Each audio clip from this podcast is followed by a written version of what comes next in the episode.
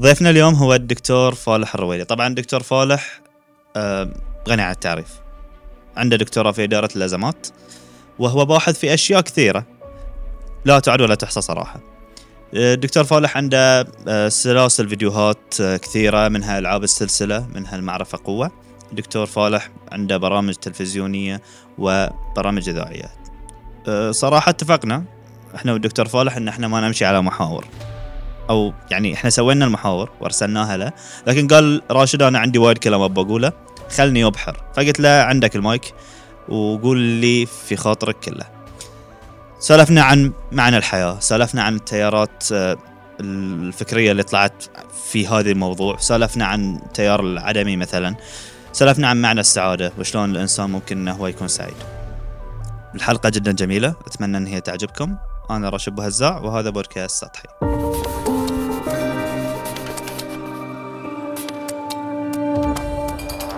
يعني تبي أقول لك من البداية ما معنى الحياة مثلا. مشوق okay. ما معنى الحياة. إحنا بدينا؟ بدينا. يعني في تصوير ولا؟ إي إي تصوير الحين بدينا. يعني إحنا أول شيء في المحاور كنا ماشيين ان نبي نشوف الحياة من منظور فلسفي يعني. الناس إيش كانوا يقولون عن الحياة؟ الفلاسفة. تبي تدش في ذي ولا؟ براحتك. زين من منظور فلسفي. شنو الحياة؟ خلينا نقول آه، اخ راشد إن معنى ومفهوم الحياة هو ليس له معنى واحد ثابت أو صلب.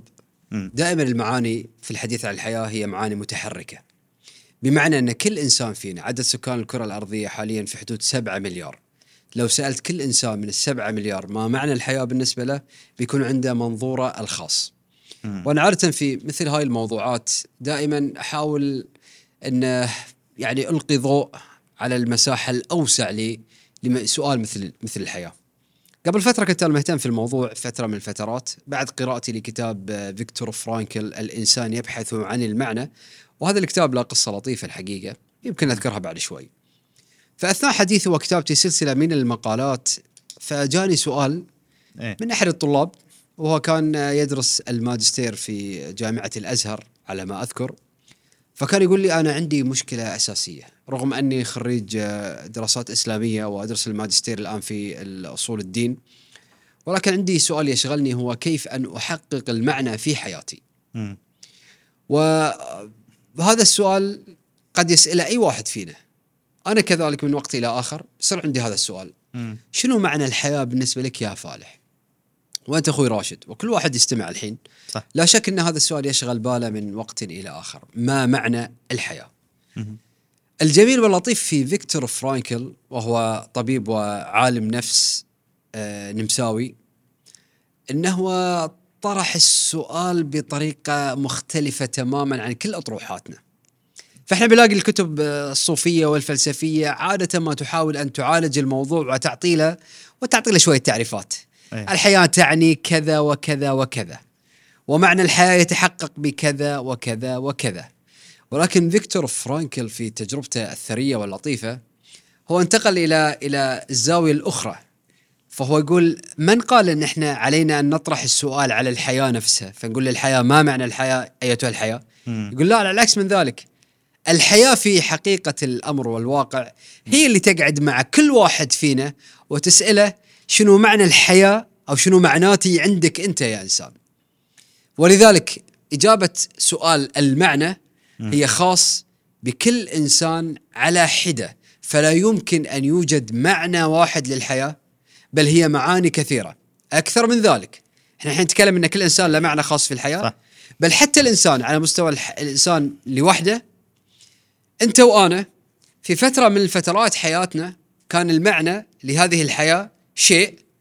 وفي مرحلة أخرى ضمن سياق ثاني تحول المعنى إلى شيء آخر صح. وفي مرحلة ثالثة بتغير المعنى فمعنى الحياة هو معنى متحرك وليس ثابت يتحرك معانا وينمو معانا مثل بالضبط الشجرة اللي انت تبدأ معاك بذرة صغيرة تزرعها في الأرض فتنبت وتصير عندك أغصان وشاسعة وارفة الظل تمتد إلى إلى إلى أعالي السماء.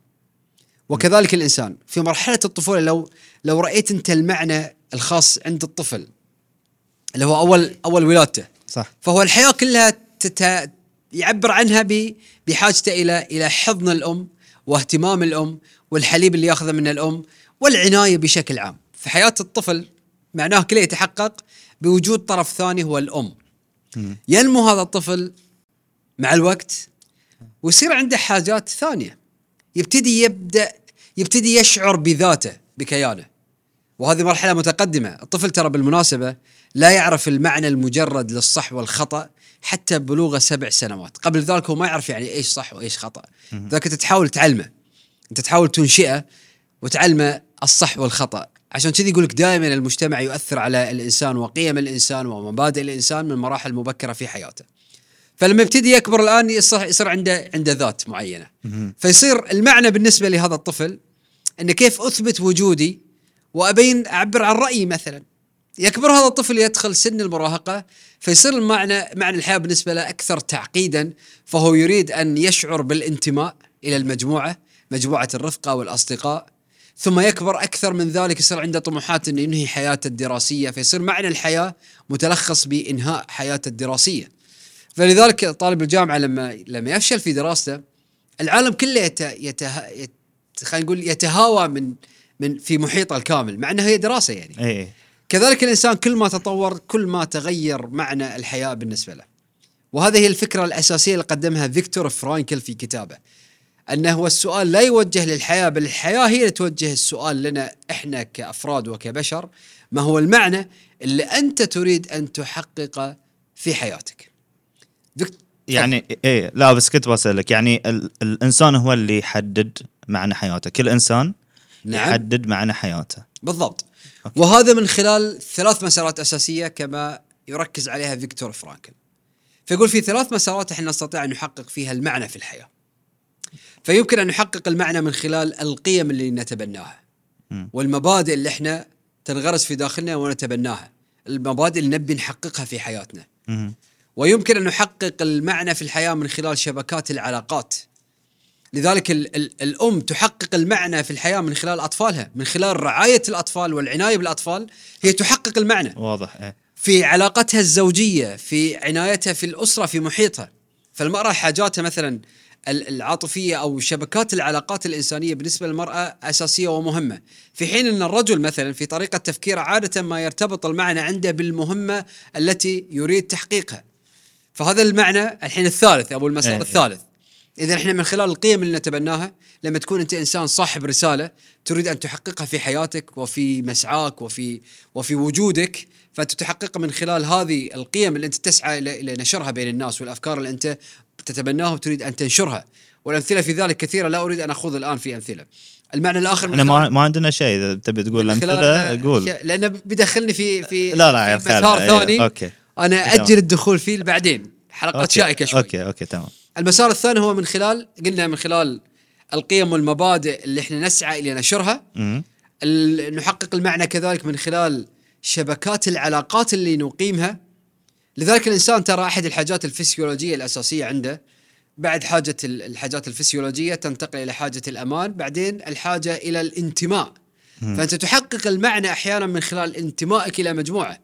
وإحنا في في آه، ضمن آه، القناة هذه إيه. قدمنا سلسلة قبل فترة انهيناها سلسلة ألعاب ألعاب السلسلة. ألعاب السلسلة نعم جميلة. اللي تكلمنا فيها عن الهويات وكيف أن الإنسان لديه حاجة أساسية للانتماء إلى مجموعة فإذا نحن نستطيع أن نحقق المعنى من خلال انتمائنا إلى مجموعة فهذا صح. مسار مسار آخر المسار المسار الثالث هو مسار مسار المهمة أن يكون لديك مهمة تريد أن تحققها في حياتك على سبيل المثال فيكتور فرانكل لما دخل معتقل آه، اوشويتز وهو معتقل نازي إيه. وكان في آه، في بولندا.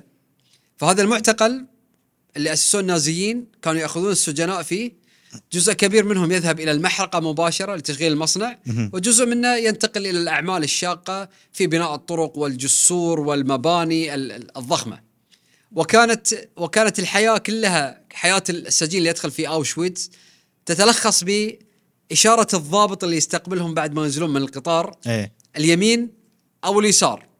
صحيح. فاليمين اذا هو سينتقل إلى المصنع فيروح حرق على طول. لذلك لما سأل بعد ما خذوه وخلوه يروح يسار إيه. فلما سأل وين فلان وفلان ال- ال- المجموعة اللي كانوا معي وين راحوا؟ فأشروا له السجناء على المدخنه المصنع. قالوا له هناك. إيه. ما فهم في البداية. بعدين استوعب إن ترى كانت العبارة عن إشارة بس فكان الضابط مهمته شنو؟ يشوف اللي أجسامهم ضعيفة اللي ما عندهم قدرة على العمل واحتمال يموتون. فيوديهم على المصنع على طول مباشرة إلى الغاز إيه. حرق انتهى الموضوع واللي عندهم قوة ويعني أجسامهم تتحمل مثل فيكتور فرانكل فيروح جهة اليسار أو الجهات قد تختلف يعني المهم إيه إيه. الفكرة الرئيسية يروح لل- لل- للعمل فش اللي خلاه يصبر؟ قعد في السجن ثلاث سنوات الموت في المعتقلات النازية هي هي عملية يومية تحدث عشرات المرات. يعني انت أنت تمر بمرحلة اللا حياة هذه اللي هي بين بين الموت والحياة مرحلة في إيه. النص. إيه. أنت لا أنت عايش ولا أنت ميت. فتعيش في هذه المرحلة اللي, اللي الناس تتخطف وتموت حوالينك والكثير من الناس يستسلمون أصلا في النهاية. يعني انت أنت كإنسان عندك طاقة تتحمل. إلى حد معين بتنتهي حياتك بتنتهي رغبتك في البقاء والتواجد في هذه الحياة. فش اللي خلى فيكتور فرانكل يصبر؟ وهو بالمناسبة ما كان يعرف انه كان معاه مجموعة من أسرته إيه. كان أبوه وأمه وزوجته. فكان أحد ال- ال- الدوافع الأساسية اللي خلته يصمد في أوشويتز هو علاقته مع زوجته كانوا متزوجين حديثا. فهو يتمنى الخروج من السجن عشان يعيش مرة أخرى مع زوجته وهو ما كان يدري إن هي انحرقت. إيه. انتهت. علاقته مع أبوه وأمه وهو ما كان يدري إنهم أيضا انتهوا. وكان عنده أمر آخر هو المهمه اللي كان حاب يطلع فيها في حياته هي تأليف كتاب الإنسان يبحث عن المعنى كان كاتب عنها مسودات إيه. أخذوها منه وتخلصوا منها. فكان هو حريص ان إن أنا عندي هدف وعندي مهمة أريد أن أقوم بها وهي تأليف هذا الكتاب. الإنسان يبحث عن المعنى اللي أصدره بعد خروجه من المعتقل، فش اللي خلاه يصل مرة ثانية؟ شو اللي حقق له المعنى إيه. في الحياة؟ هو المهمة التي كان يريد أن يحققها في حياته. هو بس عشان المستمع آه هو لما دخل ما كان عنده معنى للحياة طلع المعنى وهو داخل هذا أنا فيكتور. فرانكل عنده معنى في الحياة، فيكتور فرانكل هو كاستشاري نفسي كان قبل دخوله إلى آه إلى كان استشاري okay هو كان معالج نفسي لحالات الانتحار. okay فلاحظ التالي إن ليش الناس يقبلون على الانتحار؟ ليش يقبلون؟ لما يفقدون ارتباطهم بالواقع. مم. لما الإنسان يشعر إن حياته لم تعد مجدية، okay ليش يعيش؟ فهو يقبل على الانتحار للتخلص من الحياة. فذيك الفترة بدأ عنده بدت عنده تتبلور فكرته اللي يطورها فيما بعد واللي ساعد تجربته في المعتقل إنه يطورها أكثر وتنضج أكثر. لذلك التجارب القاسية وهذه أحد المسارات الخاصة إيه. بالمعنى في الحياة أن إحنا نحقق المعنى من خلال الألم شلون ومن طيب؟ خلال التجارب القاسية والشديدة. شلون بعطيك أنا نموذجين بعطيك قصتين نموذجين لأشخاص لأشخاص أنا أعرفهم آه طبعا أنا أقدر أذكر لك عشرات النماذج لكن إيه. خليني أذكر لك نماذج هنا من مجتمعنا البحريني من واقعنا البحريني شباب بحريني كيف حقق. المعنى من خلال إيه. من خلال الألم النموذج الأول هو لشاب اسمه عبد الله وهذا ال- الله يرحمه توفى الله يرحمه.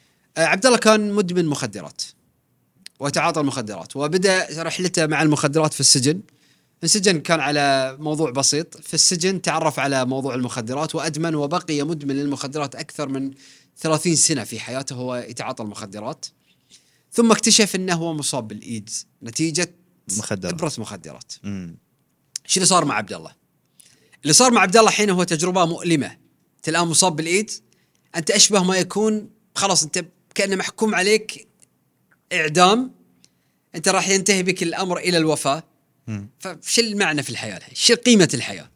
فهذا الألم اللي مر فيه عبد الله هو اللي خلاه أنه يتشبث أكثر بالحياة ويغير من مسار حياته بالكامل. فهني تحقق عنده المعنى من خلال من خلال ماذا؟ راشد؟ اللي ما راح. من خلال الألم إيه من خلال التجربة القاسية أصابته بالإيدز. أنا وين تعرفت عليه عبد الله؟ أنا تعرفت عليه في مؤتمر للأمم المتحدة كانوا مؤتمر كان اسمه دور القادة الدينيين في في في آه، مواجهة الإيدز شيء من هالقبيل. فكان موجود في هذا المؤتمر عشان يشرح لنا إحنا الموجودين آه مو قائد ديني بس أنا كنت لا، مدعو إيه. كباحث يعني كباحث أو ناشط اجتماعي.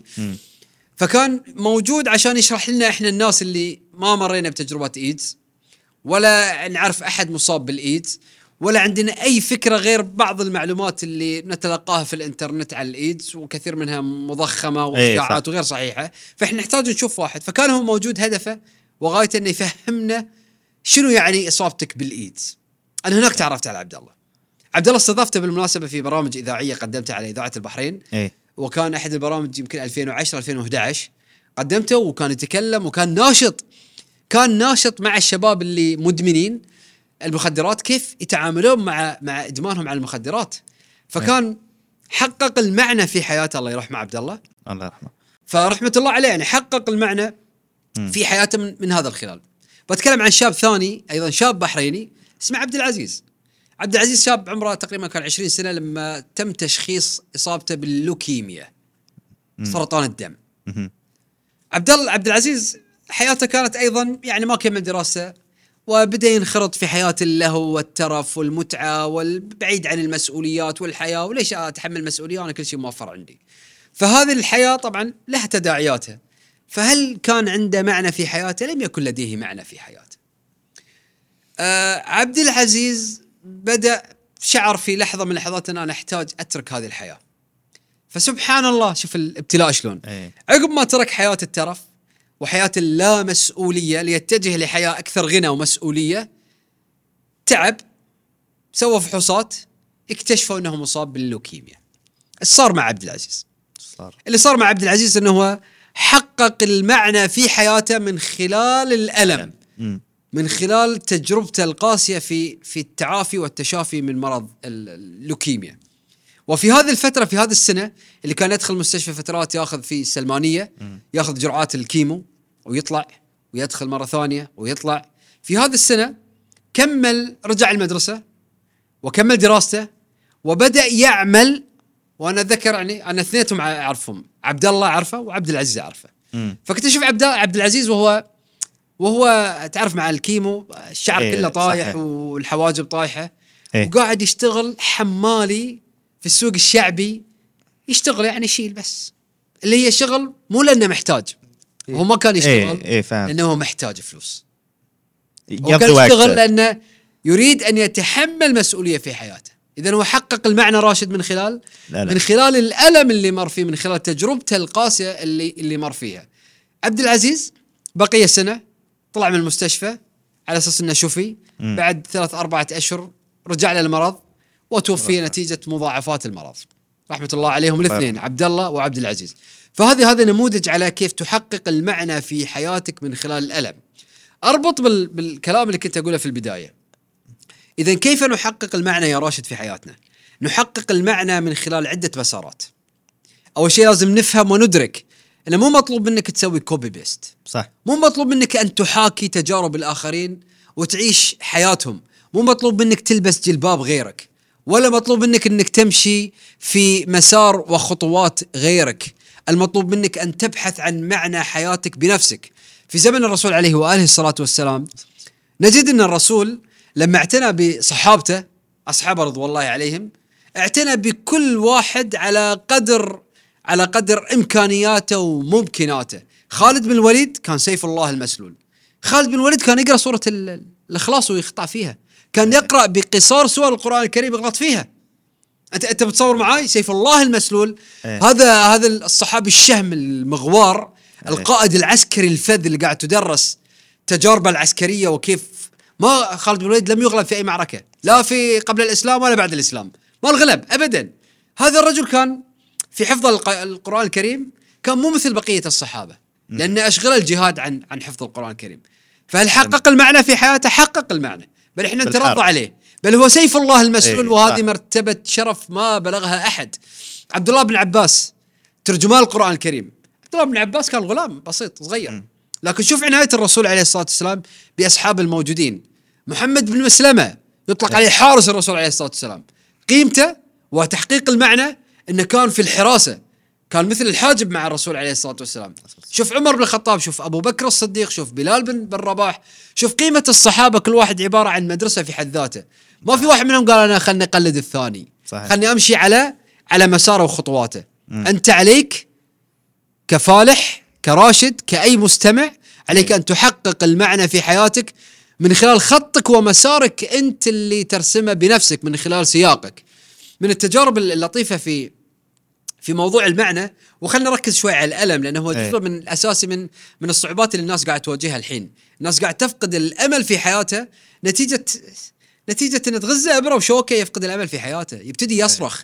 واللي ال- تد... المناعة قليلة هشاشة نفسية. هشاشة هشاشة دليعين يعني دلع دلع دلع. يعني دلع مر- طبيعة التربية فيها دلع فيها هشاشة نفسية الناس مو بقادرة تمر. وهذا جزء من هذا جزء من المجتمع المرفه. إيه. كلون ويلسون في كتاب آه، في كتاب سيكولوجيا العنف تاريخ الإجرام للجنس البشري. مهم. تكلم عن تكلم أن الإنسان أحيانا ينمو ويتطور من خلال التجارب الصعبة اللي يمر فيها.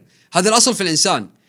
وظهرت عندنا الكثير من الجرائم نتيجة الملل اللي يمر فيه الإنسان في المجتمعات المرفهة. إيه. فالمجتمعات المرفهة تعاني مثل هذا النوع من من المعاناة. خليني أعطيك بس بعض النماذج ال- المؤثرة. لأن المعنى في الحياة تستطيع أن تحققه سواء كنت مسلم أو غير مسلم. صح. طبعا أنت حري فيك كمسلم أنك تحقق المعنى ليش لأن لأن ال- ال- الإسلام أعطاك شوية إجابات تريحك من نص الواجب. يعني إيه ريحك منها خلاص يعني إيه. يعني أنت ما يحتاج تكون مثل الفلاسفة تتساءل إحنا ليش موجودين؟ نص أحد- الواجب أحد الأسئلة الرئيسية إيه. في علم الفلسفة هو إحنا ليش موجودين؟ ترى المعنى إيه. الفلسفة حب الحكمة. الفلسفة حب الحكمة. مم. والفلسفة دائما تبحث في سؤال الوجود، إحنا ليش موجودين؟ صح يا أخي أنت كمسلم الاجابه عندك منتهيه خالصة. أنت في عندك مجموعة من الغايات اللي عليك أن تحققها في حياتك. مم. يعني وما خلقت الجن والإنس إلا ليعبدون. إيه العبادة هنا مو معناتها الشعائري إني بروح أصلي بروح أصوم بعدين بذبح البشر الباقيين صح صح بمشي في إيه. السيارة بدون احترام لقواعد الطريق بدوس المشاة. بتعامل بالسرقة بكون قاسي مع الناس لا حبيبي هذه أنت تكون مفلس أنت بتروح يعني الله أعلم على مصيرك يعني بس أنت قاعد ترتكب مخالفات شري... شديدة. إيه. عليك ان تؤدي شعائرك لكن عليك أيضا أن تكون إنسان طيب في مجتمعك. فالعباده العبادة هنا بمعناها الواسع. أنا وانت الحين ممكن نكون بس مسألة نية فنقوم بعبادة في برنامجنا إيه. الحين. إذا إحنا نهدف ان نحقق الخير حق الناس ونقدم فائدة ومنفعة حق الناس إحنا في عبادة. اذا هذه أحد ال- القيم الأساسية والأسباب الرئيسية لوجودنا إحنا كمسلم أنا مقتنع فيها. سؤال أمر آخر أو سبب آخر لوجودنا أن قصة الخلق إيه. قصة الخلق اللي هي موجودة في كل الأديان السماوية. وإذ قال ربك للملائكة إني جاعل في الأرض خليفة.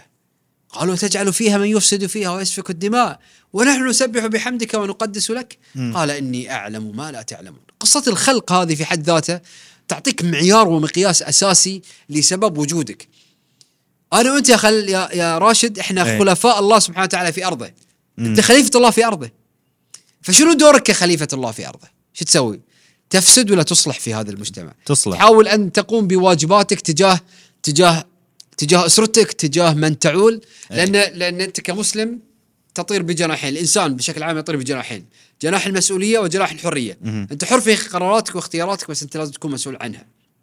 اذا اذا هذه ريحك منها الإسلام. هاي الأسباب الرئيسية لوجودك. إحنا تحققها. إحنا خلينا ناخذ موضوع إلى يعني فلسفي أكثر من ديني. ال ال لا لا هذه بالمناسبة. اللي أنا قاعد أقول هاي فلسفة ترى. إيه إيه فلسفة دينية يعني. ولا فلسفة دينية ولا شيء. لا لا. اللي أنا قاعد اقوله هو فلسفة.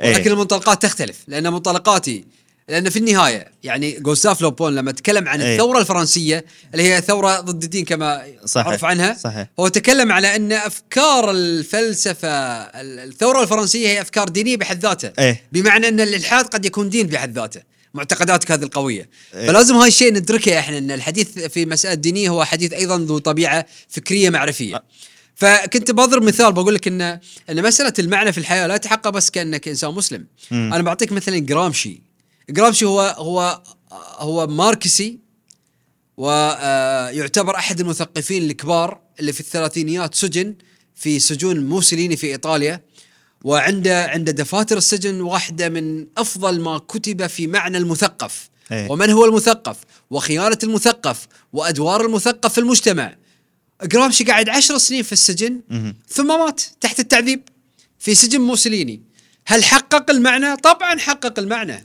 قطعا حقق المعنى. جرامشي حقق المعنى في حياته من خلال من خلال الفكر اللي قدمه. هو كان ملحد. نعم آه، أي. ويساري ماركسي. ماركسي. إيه. ما في دين حبيبي. لا لا لا إله ولا حياة مادة. إيه. يعني هذه الأفكار الرئيسية الموجودة عندهم. شوف مثلا آه، علي عزت بيجوفيتش رحمة الله عليه. علي عزت بيجوفيتش اللي هو يعتبر أحد الفلاسفة الجميلين. مم. فلاسفة المسلمين توفي يعني توفى يمكن في يمكن 2003 2004 في هالحدود آه يعني معاصر عاصر. نعم هو كان رئيس البوسنة والهرسك أيام إيه. الحرب البوسنوية الأخيرة اللي صارت في التسعينات عفوا. إيه. ف آه، في فترة سجن في السجون الشيوعية في الاتحاد اليوغوسلافي. تخيل واحد مسجون لما ألف كتاب إيش سمى؟ الفه في السجن. كفاحي شيء كذي. سمى لا، الكتاب هروبي إلى الحرية. في السجن. في السجن. كتاب كتاب عبارة إنه كنا تويتات. كلها مقاطع قصيرة فكان يكتبها على الصابون ويكتبها على أوراق ويتم تهريبها. فكتب كتاب من أروع ما يكون كله عبارة عن كنوز في الحكم. علي عزت بيجوفيتش وسماه هروبي إلى الحرية. إيه. فالتجارب الانسانيه خذ ديستويفسكي اللي هو اللي هو الأديب الروسي اللي عنده واحدة من أروع الروايات اسمها الجريمة والعقاب. ويتكلم عن أفكار غاية في الجمال وغاية في الروعة.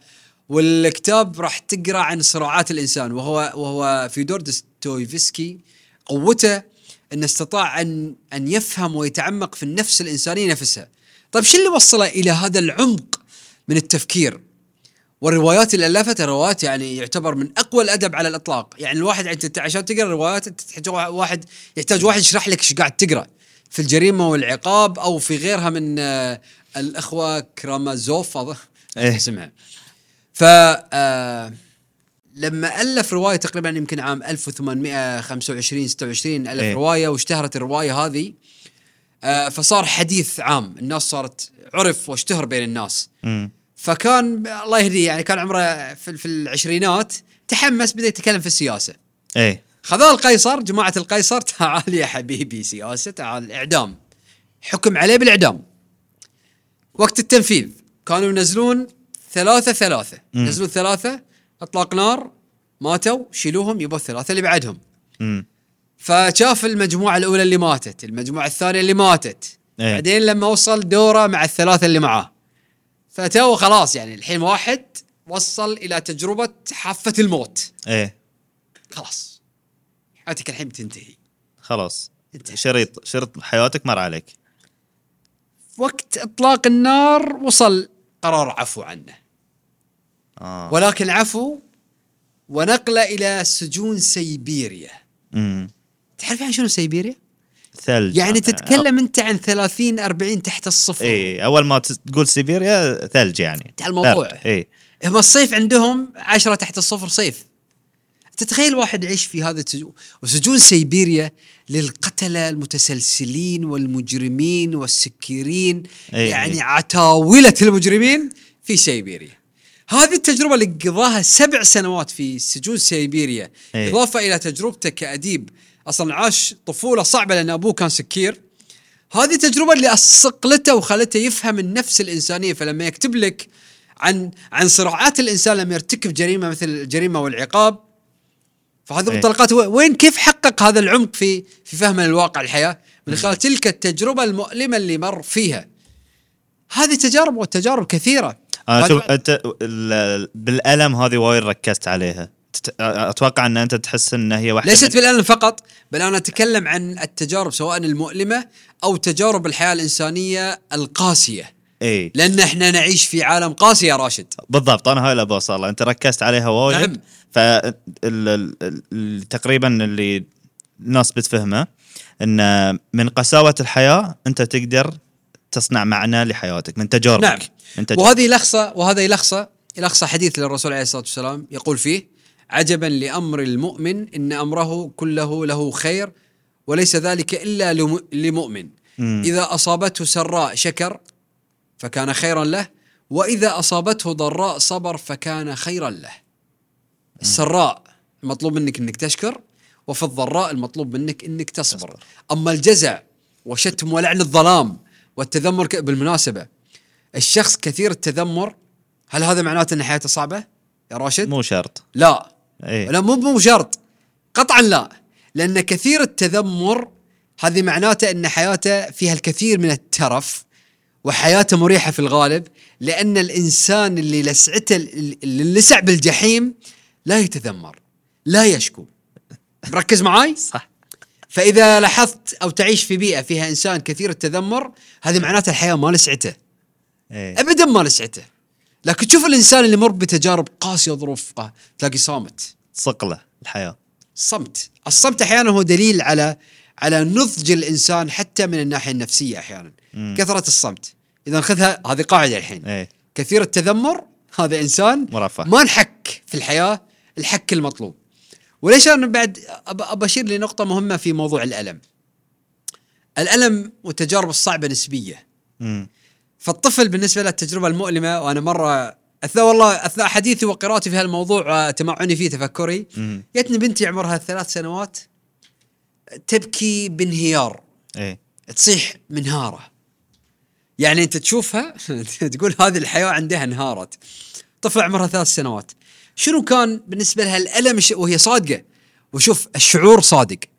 أنت تحب إيه. شعورك بالحب صادق. صادق إيه. تكره شعورك بالكره صادق. تشعر بالألم شعورك بالألم صادق. فالشعور صادق. أما مبرر الشعور هذه قصة ثانية. يختلف من شخص إلى آخر. نعم فالطفلة عمرها ثلاث سنين. شنو اللي, خلى حياتها تنهار والحياة خلاص يعني تجربة قاسية؟ تبي تلبس فستان نفنوف فستان. وأمها اختارت لها فستان ثاني. بالنسبة لطفل راشد لا تستهين بتجربته. صح. لأن تجربة مؤلمة ومؤلمة حقيقية. ليش أنا أضرب هالمثال البسيط الساذج؟ عشان أقول أن أحيانا قد يأتيك إنسان بينهار. أنا مرة في حلقة على الهوا والله. إيه. في برنامج سري للغاية. كنت أقدمه 2010 هنا على إذاعة البحرين. كنت متصلة من هارة. واحدة أحد المتصلات اللي هي بنت في مقتبل العمر في العشرينيات. تشتغل هي في إيه. وظيفة ومتصلة من هارة تقول أنا بنتحر ليش؟ ليش؟ لأن بالنسبة لها راتبها غير كافي عشان تستطيع أن تشتري الحاجيات اللي تشوف صديقاتها يشترونها بس زعلها حقيقي والسيارات اللي صديقاتها يشترونها نعم حقيقي. قاعد أقول لك مشاعرها شعور حقيقية. حقيقي إيه. والمشاعر حقيقية ولا تستهين بتاتا في أي واحد يقول لك. بنتحر لا تستهين لا تاخذها بمزح ومسخرة ابدا. صح. صح إن اللي بينتحر عادة هو بينتحر. لكن على الأقل المنتحر معروف عنه إنه عنده أفكار انتحار. صحيح. تمام؟ الفكرة اللي بقولها شنو؟ إن هذه عندها هي ليش تفكر بالطريقة هذه؟ هذه عندها تشوه في في فكرة الحياة كلها. مم. تشوه كبير. وهذه تظهر وين؟ نرجع مرة ثانية. في المجتمعات المرفهة. مم. لأن الوظيفة اللي هي تشتغلها الأخت هذه هناك مليارات ممليره من البشر تتمنى أن تحصل وظيفة بعشر الراتب اللي هي تحصله. صح. مليارات ممليره من البشر. أنت عندك عشرات المليارات عفوا عشرات الملايين أو مئات الملايين ما عندهم بيت. ما عندهم سكن عايشين في المقابر. في إحدى الدول العربية في ثلاثة مليون يعيشون في المقابر. دول دولة عربية. في المقابر؟ في المقابر نعم. ما عندهم بيوت. عايشين في المقابر. لأن في هذه الدول العربية عادة المقابر عب- عبارة عن كأنها غرف. إيه. أنت متخيل؟ تقريبا في حدود ثلاثة مليون إنسان يعيش في المقابر. معلومة أول مرة. وانت وأنت تسالني يعني أنا ساكن في شقة صغيرة؟ لكن تخيل تخيل مثلا لما تقرأ في في في سيرة الرسول عليه الصلاة والسلام إنه كان أشهر لا توقد النار في بيته. في غزوة الخندق الصحابة رابطين حجر على المعدة عشان يخففون الجوع ورابط حجرين. صح.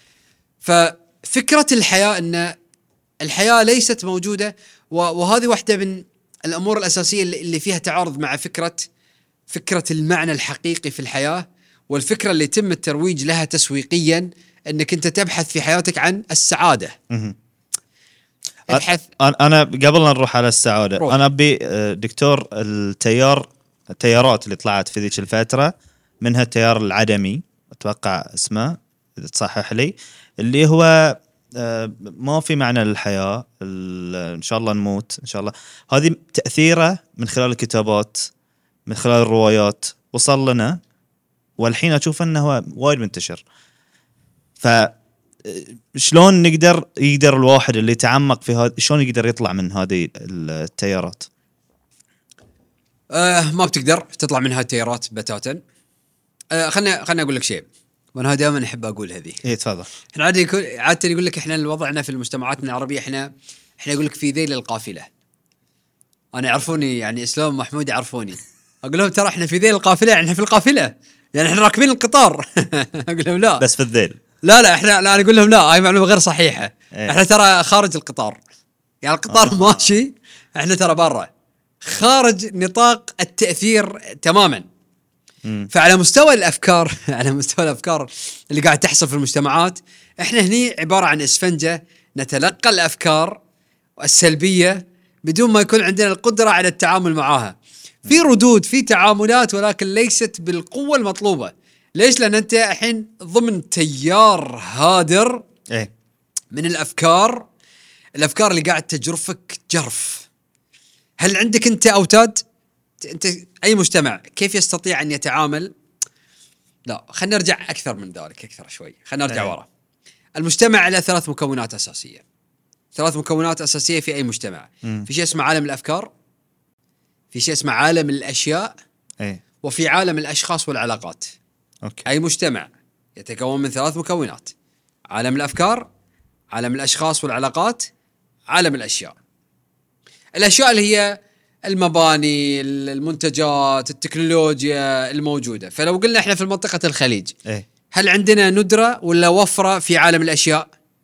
ندرة. وفرة لا الأشياء يعني قصدك الصناعة ولا الصناعات أي. الجسور المباني أوكي، الطرق أي. المطارات البنية التحتية قوية الحمد لله عندنا في عالم الأشياء عندنا وفرة من أحسن يعني الناس يجون من برا ينذهلون بحجم ال ال ال يعني أي أحد راح راح بريطانيا مثلا دش مستشفى؟ يعرف مثلا أن مستشفياتنا إحنا في منطقة الخليج تتجاوز بمراحل أي. المستشفيات الموجودة هناك من ناحية النظافة والعناية والأجهزة. قطعا يعني. ما أدري هاي المعلومة تعرفونها أو لا. يعني اي واحد راح بريطانيا واضطر يدش مستشفى. يعني أنا عارف إن البنية التحتية عندنا وايد قوية. قوية نعم. فإحنا عالم الأشياء عندنا قوي. بعدين عندك عالم الأشخاص والعلاقات. أستطيع ان أقول لك شلون تقيم لي آه، آه، أفكار الشباب في ال social media. مو بس في الخليج في المنطقة العربية. شلون تقيم أفكارهم؟ شنو اهتماماتهم؟ على التيك توك شنو أكثر شيء يشوفون؟ في اليوتيوب شنو أكثر أشياء تجذبهم؟ هذا بيعطيك تصور عن عن مستوى الأفكار والعلاقات الإنسانية. أنت تشوف قطع أنت بس تتكلم عن إشاعة معينة. إيه. شوف كيف يتم تلقفها وشوف كيف الناس بتبتدي تهجم على إنسان وأنت أصلا ما تدري إيش عنده إيش ما عنده. أنت مجرد بس جالك خبر تتعامل معه بالطريقة هذه. بس هل, هل هذا لأن هم الغالبية الع- العظمى يعني؟ طبعا. تتكلم عن تيار المجتمع نعم هذه هذه تصريح آه نعم الوضع صريح خلاص. زين خلاص. آه ف وهذا جزء أساسي من اللي إحنا لازم ندركه الحين. متابعتك تبي تعرف تبي تعرف منظومة وشبكة العلاقات في أي مجتمع؟ تستطيع أن تحصلها من خلال اطلاعك ومتابعتك للسوشيال ميديا وما يحدث فيها تعطيك معيار مقياس معين تستطيع أن تستكشف من خلاله معيار ثالث وكذلك الأفكار الأفكار وكذلك الأفكار. فالحين الأفكار الأكثر انتشارا في الوقت الحالي وهذه النقطة أنا تكلمت فيها في في إحدى حلقات ألعاب السلسلة لما تكلمت عن سوبر ماركت إي. الهويات. أنا قاعد أقول لك إن الكثير من الهويات اللي قاعدة تنتقل عندنا المثلية الجنسية تحب تستغرب مم. إن في ناس يتبنون نداءات المثلية الجنسية. طب انت أنت يعني يعني هالموضوع وايد هامك يعني؟ انت إيش دخلك فيه؟ فإحنا قاعدين نتلقى الأفكار من الخارج. إيه. نتلقى الموضات من الخارج. ثقافتنا جزء كبير منها أصبحت عبارة عن ثقافة خارجية وليست ثقافتنا الأصيلة. الحين كم واحد فينا الحين آه ما يعرف ستاربكس وكوستا كوفي وكاريبو كلها اشياء مستوردة. من الخارج جزء من ثقافتنا الأساسية حتى الشاكل نستوردها من الخارج إي الفكرة هذه عشان بوضح المسألة إيه. إنها وايد مهمة الفرق وهذا دائما أتكلم عنها الفرق بين فنجان خلينا نقول ال- القهوة اللي إحنا نشتريها من برا الموكا والكابتشينو إيه. واللاتيه وبين فنجان القهوة العربية إيه كل واحد فيهم عبارة عن منظومة متكاملة من الأفكار عشان بس نوصل لك فكرة شلون إحنا نتلقى أفكارنا من الخارج إيه فنجان القهوة هو جزء من ثقافتنا إحنا إيه. العربية الأصيلة مهم. اللي عاده وين يشربها الناس؟ وين تشربها؟ في داخل البيت مجالس. إيه ما مجالس تروح تضيفه في المجلس بالضبط في المجلس الناس تتلقى وتشرب القهوة وضيف في له احترام وأنت تحترمه وهو يحترمك وتصب له بطريقة معينة وإذا خلص يهز لك الفنجان أو يحط صبعه عليه. إذا حطه. على الأرض في عادات الع- العرب القديمة معناته عنده طلب فأنت تقول له أشرب فنجانك طلبك آه، مجاب. إيه. الزواج والطلاق عليها على هالفنجان القهوة البسيط العادي. فهي منظومة أفكار متكاملة. منظومة أفكار. لكن تشوف الحين لو انتقلنا حق القهوة اللي إحنا ناخذها من برا. أو مم. شيء أنت بتاخذها من برا. إيه.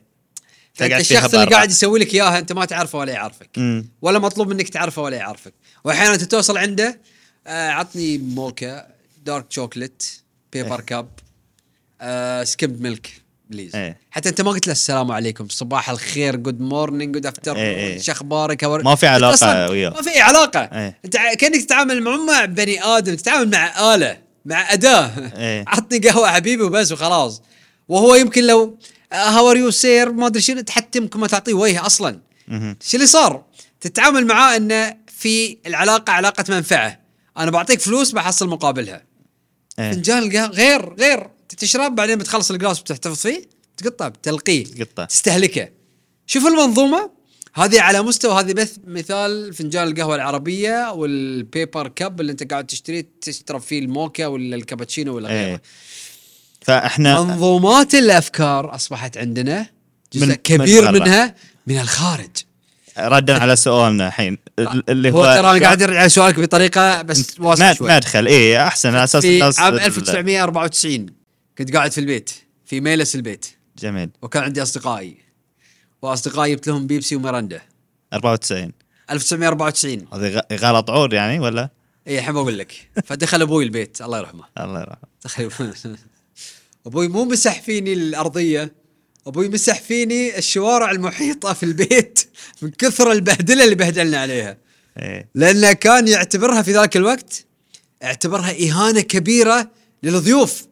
مم. ضيوف عندك يا قليل الأدب. وحاط لهم بيبسي ومراندا إيه. وين الشاي وين القهوة؟ وين عنايتك فيهم؟ مسح أقول لك مسح فيني المنطقة المحيطة بالكامل. القصة الحين أتذكرها. فشوف ب... شوف معيار القيم اللي كان في ذلك الوقت. مم. وشوف التبدل الكبير اللي حصل عندنا في الوقت الحالي. عشان أقول لك إنه إحنا نتأثر كثيرا بالأفكار اللي قاعدة توصلنا من الخارج. شلون اللي نقدر من؟ ضمنها اللي من ضمنها الحين الأفكار ال- السيولة في الأفكار. هذه الفكرة الأساسية اللي كنت حابه أتكلم عنها وهي إن إحنا لم يعد لدينا أفكار صلبة تخلي الإنسان عنده وتد ينطلق منه يتحرك منه. مم. صار عندنا سيولة في الأفكار. كل شيء أصبح نسبي. مم. حتى على مستوى الخير والشر. حتى على مستوى الخير والشر. وبالمناسبة في واحد بيقول لي إحنا ابتعدنا عن الدين فصار عندنا هذا الشيء. لا خلنا نزيدك من الشعر بيت. إيه. خلنا نزيدك من الشعر بيت.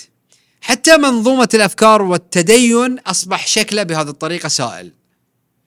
هاي وضح. باتريك هايني إيه باتريك هايني عنده كتاب اسمه إسلام السوق okay الكتاب آه، آه، الكتاب كان في فترة التسعينيات وتكلم عن ظاهرة الدعاة الجدد مم. وظاهرة مدربي التنمية البشرية اللي بالمناسبة الكثير منهم متدينين مم. والكثير منهم أسماء مشهورة جدا يعني لما تتكلم عن طارق سويدان. تتكلم عن شخص منطلقاته إسلامية إيه تتكلم عن عمرو خالد منطلقات إسلامية. متدينين. تتكلم عن آه، آه، أو خلينا نكتفي بهالمثالين ما نبي نشتت أكثر. أوكي. فالكثير من هذه النماذج وهذه الأمثلة هم أصلا منطلقاتهم متدينين إسلاميين. ولكن قدموا لك التنمية البشرية وقدموا لك الأفكار اللي فيها اللي فيها جزء منها سائل. مم. أفكار التنمية البشرية كلها على بعضها ترى أفكار وقيم مستمدة من وين؟ هذه حقق النجاح في حياتك. إيه. أنت أيها الإنسان أنت أهم شيء أنت والباقي يروح في 60 داهية. أهم شيء ركز على نفسك يا راشد. خل أنت الأساس. عليك أن أن تطلق المارد اللي في نفسك. إيه. أن تقوي شخصيتك. أن تحقق الثروة. أن تحقق النجاح في حياتك. ركز هذه دعوة للنجاح. أنت تنجح أهم شيء. اللي هي فكرة الفردة الفردانية. اللي هي منطلقة من وين؟ اللي هي منطلقة من الأفكار. أي أفكار؟ المسيحية البروتستانتية. إيه. اللي بعدين طلع عنها أفكار العدمية والأفكار العدمية بمعنى اللي تقول لك طبعا فكره العدمية تقوم على على مبدأ بسيط جدا. إيه إيه أن لم يعد هناك إله. أنت الإله بحد ذاتك. الحياة رغباتك- حولك. رغباتك هي الثابت الوحيد. مم. رغباتك تحقيقك للسعادة هي الثابت الوحيد اللي انت تحتاج أن تسعى أن تحققه في حياتك. ركز معي مركز تحقيقك للسعادة. إيه. أنا ها قاعد أربط لك الحين كل شيء في بعض. إيه إيه تحقيقك للسعادة هي الثابت الوحيد اللي أنت لازم تسعى إلى تحقيقه. أيتها المرأة أيها الرجل حقق سعادتك حقق المتعة في حياتك حقق إيه. المنجزات. أهم شيء أنت.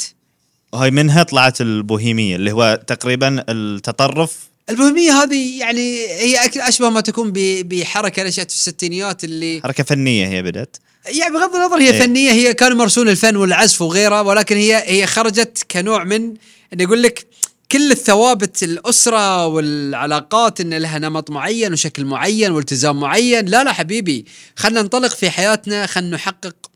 أنا أنا كإنسان أنا أنا هو الثابت الوحيد أنا الإله. أنا هو محور الكون. أنا محور الكون. أنا أهم شيء رأيي أنا ما يهمني رأيك. ولا يهمك ولا يهمني رأيك فيني. إيه. أنا أهم شيء لأن أنا المحور أنا الرئيسي أنا أنا الشخص اللي تدور ال- ال- العلاقات في فلكة. أهم شيء رغباتي أحققها. مم. فكل ما اريده أنا هو الأساسي. أما شنو مسؤولياتي في الحياة؟ ما في شيء اسمه مسؤوليات في الحياة. ما في شيء اسمه معنى وغاية في الحياة. أنت تعيش عشان عشان تحقق رغباتك. اللي هي بالمناسبة ليست فكرة وليدة ال- العصر الحالي أو أو ال- الفترة الحالية. موجودة من قبل كانت؟ طبعا هي فكرة قديمة أيام الحضارة الرومانية القديمه والاغريق فكرة اللذة. أن الحياة الأساس فيها أن تحقق فيها اللذة وهذه هي جوهر الحياة ووجودك في الحياة. أن تحقق أقصى لذة وأقصى متعة ممكنة. شلون هي أثرت علينا؟ خليني أعطيك شلون أحد تاثيراتها الرئيسية. في القرن السابع عشر الثامن عشر التاسع عشر كان كان التركيز دائما على شكل الأسرة والعلاقة. العلاقة بين الرجل والمرأة لا إيه. تكون علاقة إلا العلاقة المشروعة اللي هي عن طريق مؤسسة الزواج. أوكي. بعدين حصلت تحولات كبيرة جدا. التحولات الكبيرة جدا اللي حصلت مع الوقت في منظومة أن العلاقة بين الرجل والمرأة لازم تكون علاقة شرعية من خلال الزواج مهم. تغيرت. فأصبحت الآن العلاقة ما يشترط أن تكون من خلال علاقة الزواج. عيل. يفترض أن تكون علاقة حرة. أنت ليش تقيدني بالزواج؟ مم. فكان الخطاب موجه للمرأة والرجل على حد سواء. فظهرت عندك بعدين صار نوع من تفكيك الأسرة تفكيكها. ما يحتاج يكون في عندنا أول ما تم تفكيكها ترى القوانين والتشريعات اللي كانت موجودة. اللي كان في في, في أوروبا كان في ثلاث مدونات قانونية. ثلاثة وليست واحدة. ثلاث مدونات قانونية اثنين منها كنسية وواحدة قانون مدني. تقوم على أساس إن أي علاقة خارج نطاق الزوجية فهي علاقة مجرمة.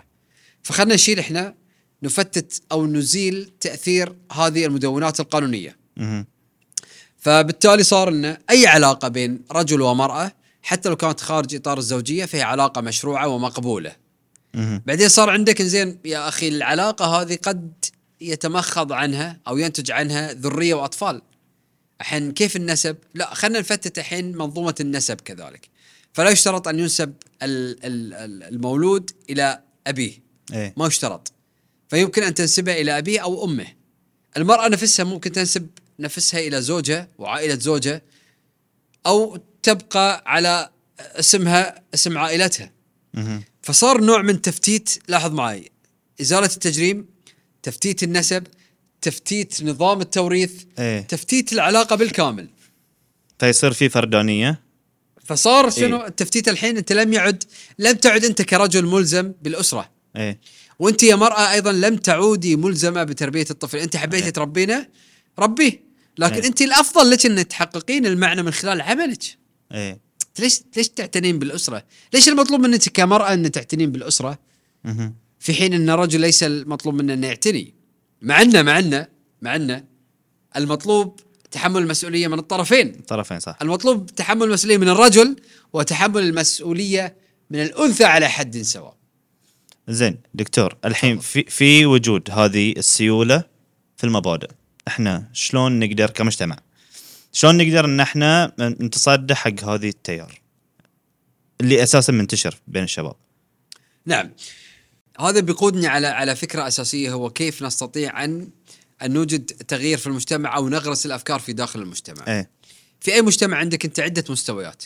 في على مستوى الفرد مم. عليه أن يدرك ويكون عنده وعي لطبيعة التغيرات اللي قاعد تحصل إيه ويتحمل مسؤولية الأفعال. لأن بالنسبة لي حجر الزاوية في في تفتيت في تفتيت العدمية هي تحمل الإنسان للمسؤولية. مم. مسؤوليته الفردية بداية ثم مسؤوليته باتجاه المجتمع اللي هو عايش فيه ثانيا.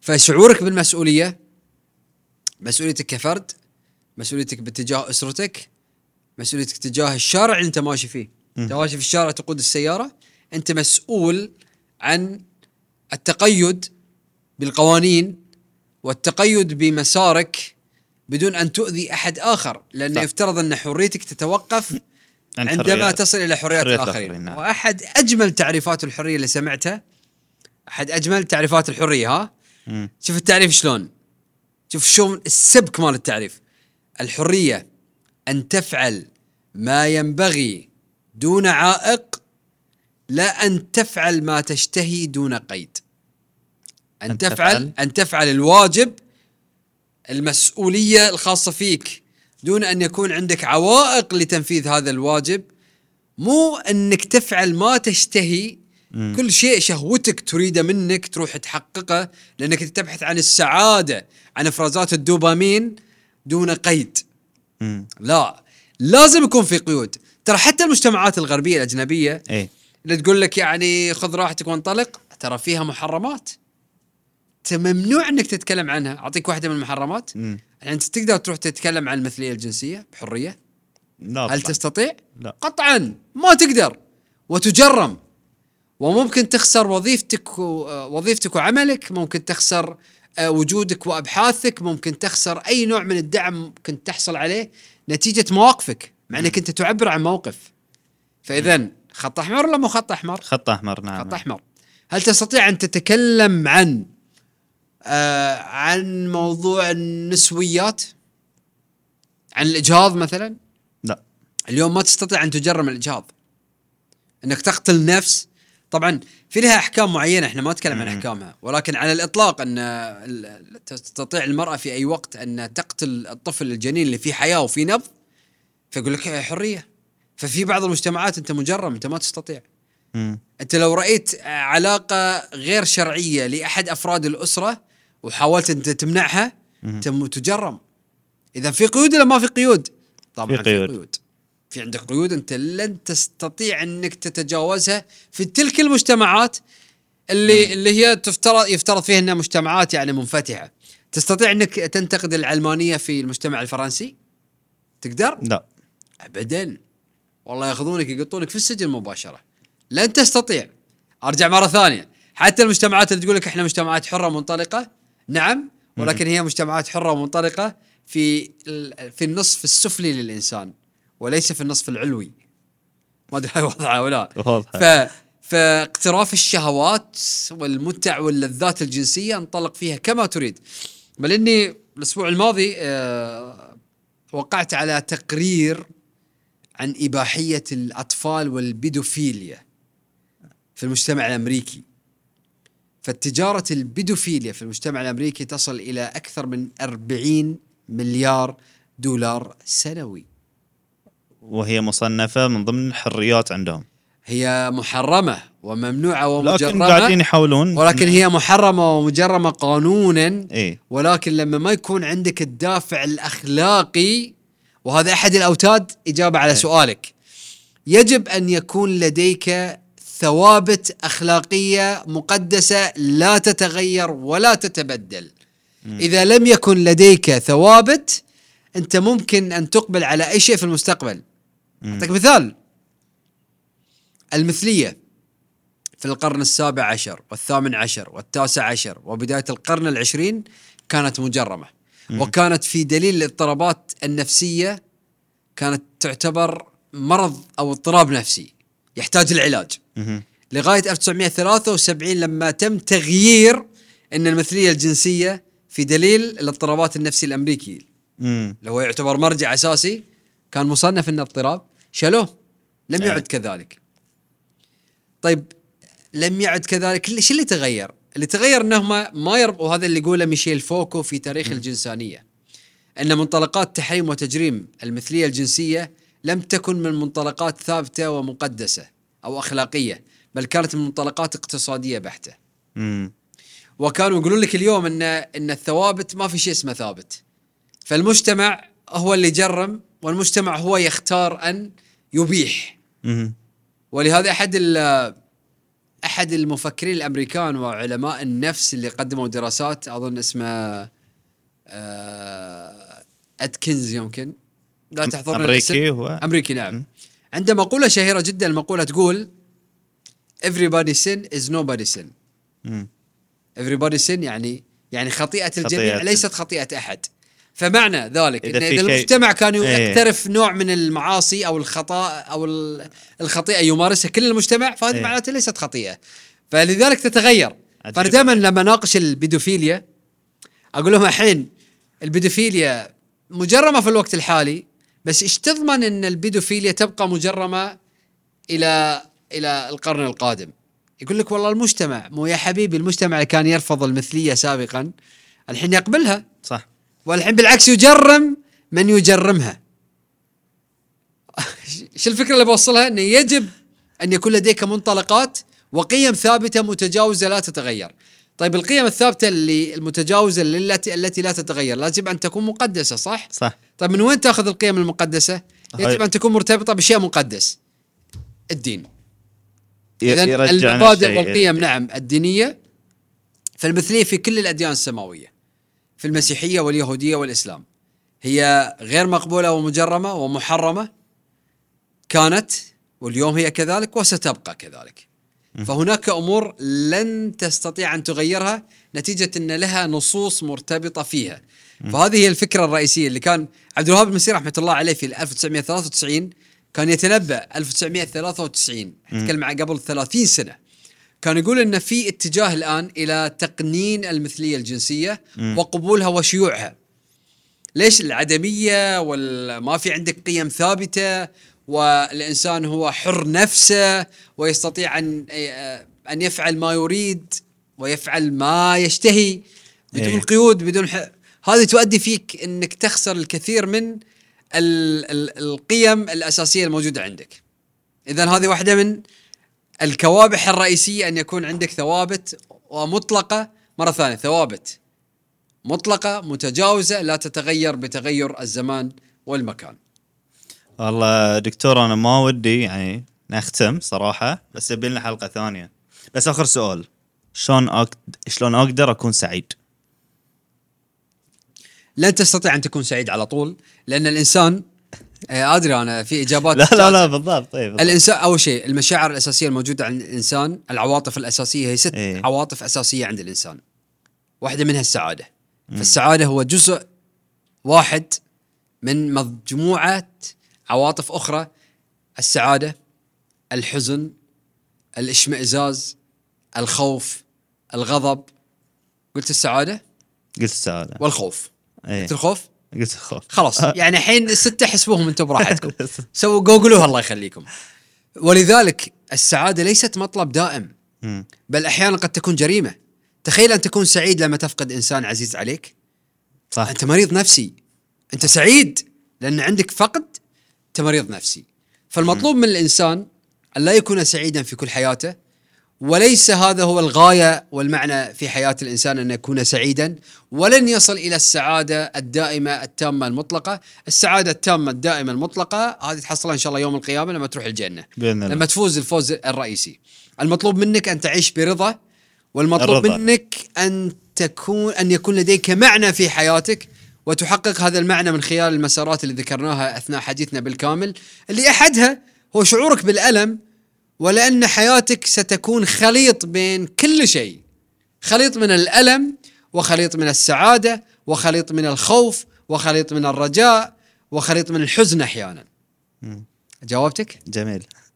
أنت اللي جميل شاعري ما قصر دكتور. الله يسلمك الله والله يسلمك خليك. يحفظك تبي تشرب شاي؟ الحين؟ نشرب عقب الحلقة؟